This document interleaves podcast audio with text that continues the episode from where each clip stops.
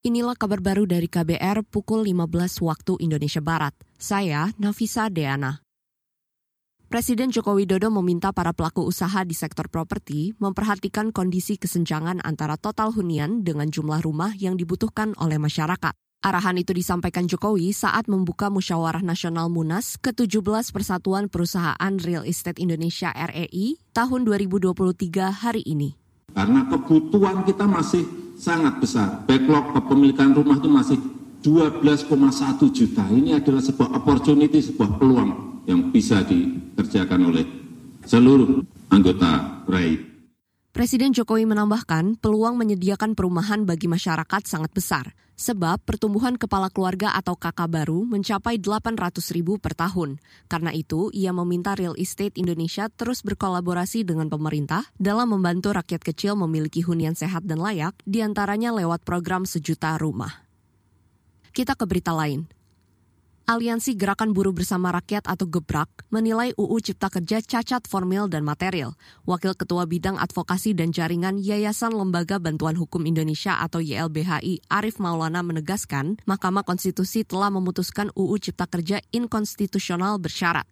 Dampak putusan itu, kata dia, pemerintah dan DPR diminta memperbaiki UU nomor 11 tahun 2020 Cipta Kerja dalam jangka waktu dua tahun setelah putusan dan tidak menerbitkan peraturan turunan.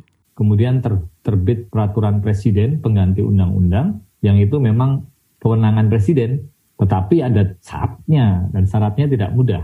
Harus ada kegentingan memaksa dan harus mendapatkan persetujuan DPR yang mestinya merepresentasikan kepentingan dan tuntutan rakyat. Tapi sialnya yang terjadi adalah Perpu tetap terbit dan disahkan oleh DPR.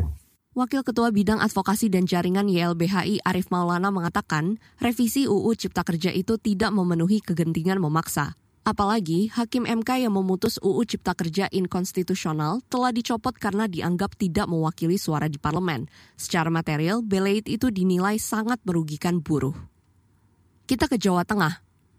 Wali Kota Solo Gibran Rakabuming merespons kericuhan laga Liga 1 antara Persis Solo versus Persib Bandung di Stadion Manahan Selasa malam. Selengkapnya bersama kontributor KBR Yuda Satriawan.